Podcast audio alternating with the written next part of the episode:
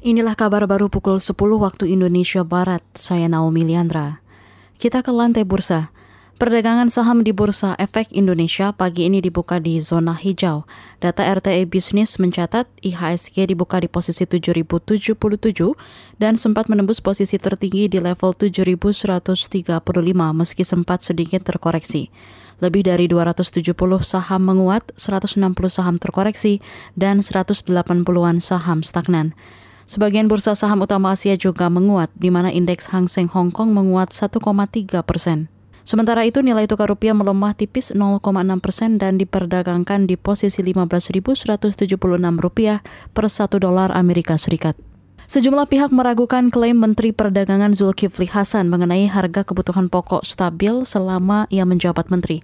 Direktur Eksekutif Lembaga Kajian Ekonomi Core Indonesia, Muhammad Faisal menyebut tidak semua harga bahan pokok dapat dikendalikan oleh Kementerian Perdagangan. Menurut Faisal, sejumlah bahan pokok justru naik.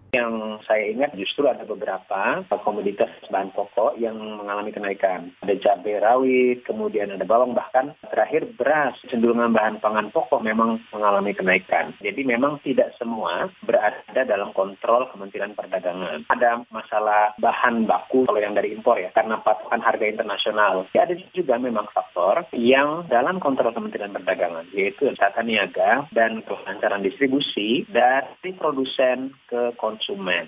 Direktur Eksekutif Lembaga Kajian Ekonomi Core Indonesia Muhammad Faisal menilai salah satu faktor penyebab harga bahan pokok sulit dikendalikan adalah kendala yang muncul dalam rantai distribusi. Ini terjadi pada komoditas minyak goreng. Faisal meminta Menteri Perdagangan Zulkifli Hasan membenahi rantai distribusi bahan pangan pokok kebutuhan masyarakat. Ini terkait dengan upaya pemerintah mengendalikan harga. Badan Meteorologi, Klimatologi, dan Geofisika BMKG mengeluarkan peringatan dini perakiraan hujan lebat di sejumlah wilayah di Indonesia. BMKG memperkirakan hujan lebat disertai kilat dan angin kencang berpotensi turun di Aceh, Bengkulu, Lampung, Riau, Sumatera Barat, Sumatera Selatan, Sumatera Utara, Banten, DKI Jakarta, dan Jawa Barat. Sejumlah daerah lain juga berpotensi turun hujan deras disertai kilat dan angin kencang, yaitu di Kalimantan Barat, Kalimantan Selatan, Kalimantan Tengah, hingga Papua. Demikian kabar baru KBR, saya Naomi Liandra.